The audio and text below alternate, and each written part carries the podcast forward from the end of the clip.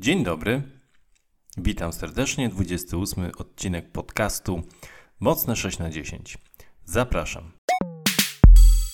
Dzisiaj kontynuacja tematów y, z ostatnich odcinków. Nie wiem czemu, co chwilę trafiają gdzieś tam do mnie informacje odnośnie HBO Max. Nie wiem jak to robią, ale usilnie starają się mnie nakłonić do tego, żebym e, odnowił subskrypcję. Oczywiście żartuję, ale faktycznie wchodząc teraz na aplikację HBO Max dostaję jakieś banerki z informacją, że jeszcze mam szansę odnowić mm, ten plan e, wraz ze zniżką. Póki co jeszcze nie udało im się mnie namówić i raczej im się nie uda. Jedna rzecz, która e, dzisiaj też gdzieś przeglądając sobie wiadomości mm, wpadła mi w oko dotycząca HBO Max, to jest to, że nowy szef HBO Max y, postanowił ubić wszystkie lokalne produkcje HBO w Europie poza rynkiem hiszpańskim i francuskim, co oznacza, że y, ani polskie seriale, ani żadne inne z Europy y, Centralnej, Wschodniej, w zasadzie Zachodniej, poza tymi dwoma wymienionymi wcześniej rynkami, nie wydarzą się. Co jest generalnie chyba całkiem słabe. Ja pamiętam, że te seriale, które powstawały y, w kooperacji, mm, w zasadzie nie w kooperacji, polskie seriale powstające dla HBO Max, wtedy jeszcze dla HBO Go, były naprawdę na bardzo wysokim poziomie. Y, myślę tutaj szczególnie o serialu pod tytułem Wataha.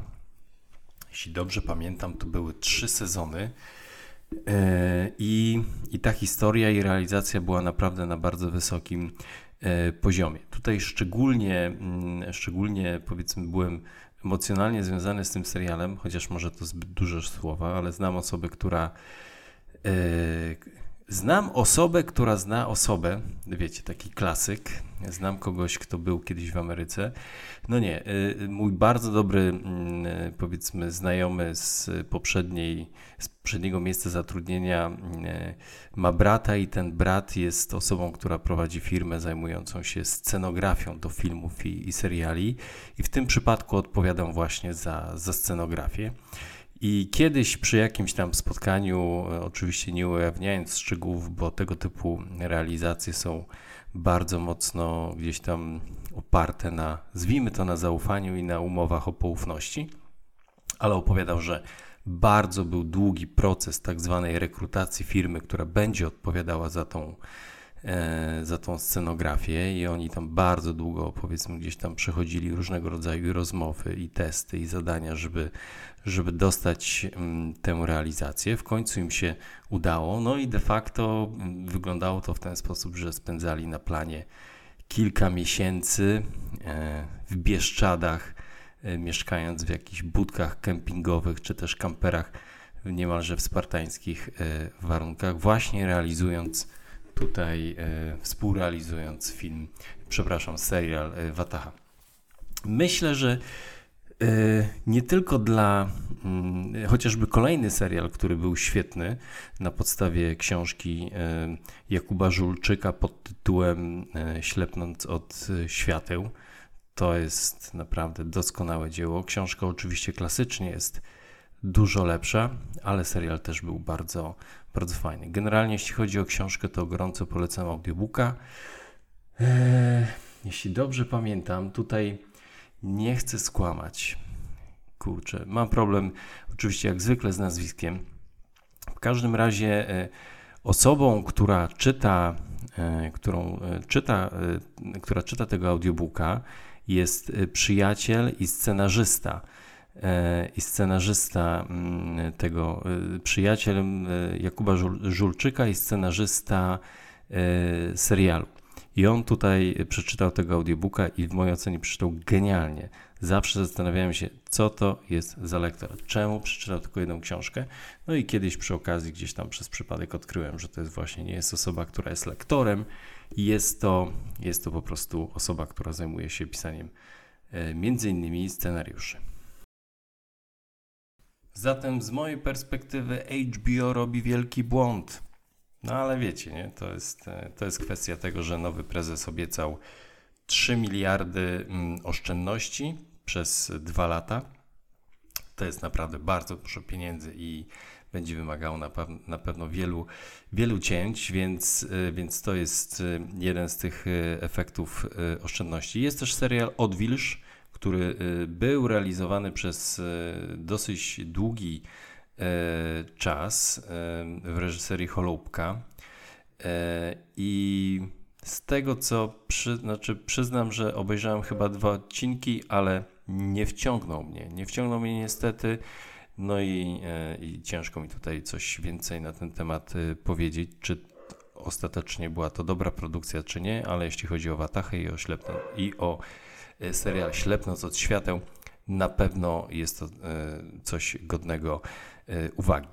Jeśli chodzi o poczynania HBO Max, no to jak pewnie wiecie, mm, nie znam, znaczy wiecie albo nie wiecie, nie wiem dokładnie jak wyglądają te relacje, ale zarówno właściciel HBO Max, czyli Warner, jest właścicielem e, Discovery i jest również właścicielem TVN-u. Nie wiem, czy firma Discovery, która jest z tych spółek, w każdym razie i TVN, i Discovery, i Warner, i HBO gdzieś tam należą do wspólnej jednej grupy e, mediowej.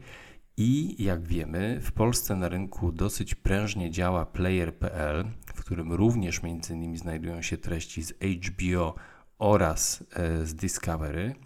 No i teraz wszystko wskazuje na to, że w kolejnych latach może się okazać, że HBO na przykład wchłonie e, playera i na przykład stąd będą brały się polskie produkcje dla HBO.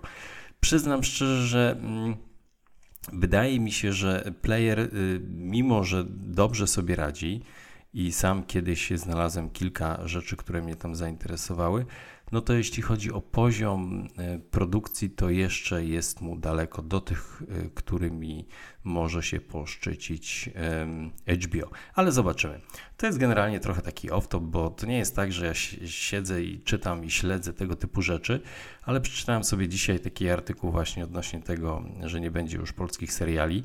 One były dobre, więc stwierdziłem, że może warto o tym sobie e, kilka słów powiedzieć. To, o czym chciałem dzisiaj powiedzieć, to tak naprawdę jest kontynuacja tematu z e, ostatniego odcinka, a mianowicie wakacje kulinarne, jedzenie. Tak jak e, wspomniałem wczoraj, dzisiaj również wybraliśmy się do tak zwanej metropolii, galerii w centrum e, Gdańska, w zasadzie w dzielnicy, która się nazywa Wrzeszcz. I poszliśmy sobie do słynnego wcześniej już przeze mnie wspominanego food hallu, żeby spróbować czegoś nowego do jedzenia. E, jechaliśmy tam z myślą o tym, żeby, znaczy nie ja z myślą, mój syn z myślą e, jechał, że zje naleśnika. Ja przyznam szczerze, że bardzo mocno lobbowałem na rzecz tego, żeby to nie było nic e, słodkiego. Wczoraj wciągnął tam wielkiego gofra z jakąś dodatkową polewą. Myślę, że przyjął w tym gofrze 2000 kalorii albo lepiej.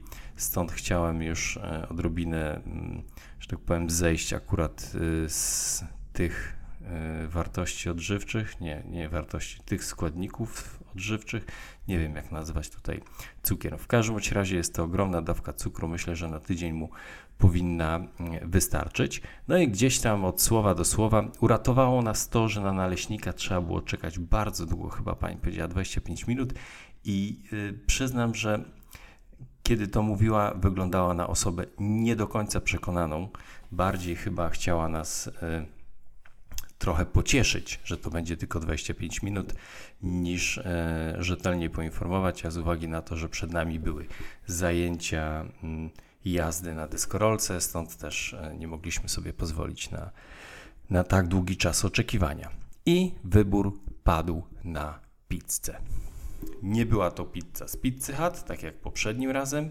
Była to prawdziwa sycylijska pizza od Mąka i Kawa. Mąka i Kawa jest prawdopodobnie tylko trójmiejską. E, nie wiem, czy to jest franszyza, czy po prostu jeden właściciel ma trzy punkty. E, i, I to tylko tyle wiem, bo na pudełku było napisane, że są trzy lokalizacje, z czego dwie są we Wrzeszczu i jedna w Gdyni. No i specjalizują się w pizzy sycylijskiej. Y, ja przyznam, że nie wiedziałem do końca, czym jest pizza sycylijska. W zasadzie y, wiedziałem, czym jest pizza neapolitańska. Wydawało mi się, że wiem, czym jest pizza rzymska, ale zastanowiła mnie właśnie ta pizza sycylijska. No i pizza sycylijska okazała się być y, w rezultacie bardzo smaczna, ale wyglądała tak, że była prostokątna. Z tego co widziałem, była pieczona w takiej klasycznej blasze, jak się piecze, nie wiem, serniki albo inne, inne ciasta.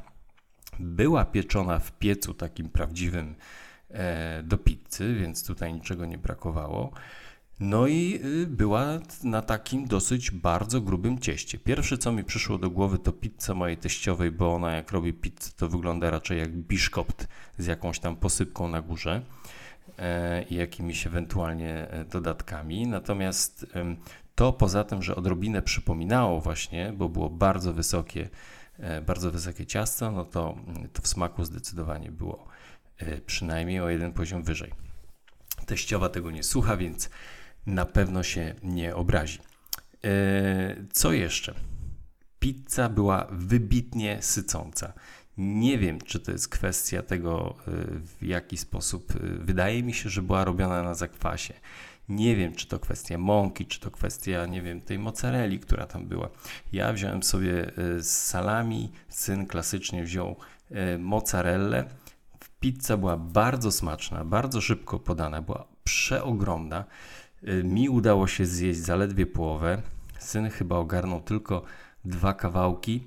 Wzięliśmy sobie resztę do domu, będziemy ogarniać na kolację. Dodatkowym elementem, który uważam za super pozytywny, to pomijając, że to jest faktycznie potrawa, którą można się y, na pewno najeść, jeśli chodzi o taki posiłek dla dużego, nazwijmy, mężczyzny, to drugim elementem jest cena. Tak jak w poprzednich, e, nazwijmy to, przygodach kulinarnych, też chyba we wszystkich podawałem cenę. Mogę przypomnieć, e, wizyta w Pueblo kosztowała 82-3 zł, coś w tym stylu. Wizyta w Pizzy Hut bardzo podobnie 84 zł. Wizyta y, tak zwanej budzie z jedzeniem, z jedzeniem syryjskim kosztowała mm, okolicach 60 zł, natomiast y, wizyta w Mąka i Kawa mm, z pizzą sycylijską kosztowała 53 zł. Dwie wielkie, grube, bardzo smaczne pizze.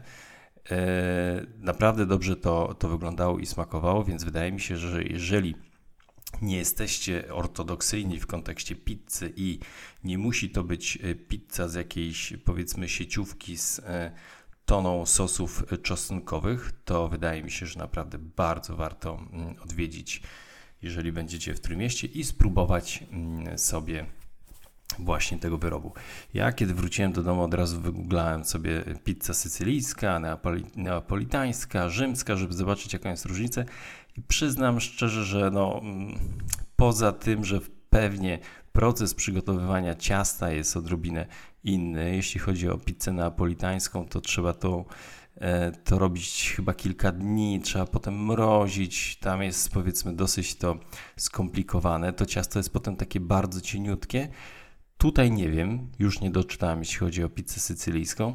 Niemniej jednak, e, słuchajcie, no pizza to pizza, tak? No nie wiem, czy znacie kogoś, kto, kto nie lubi pizzy.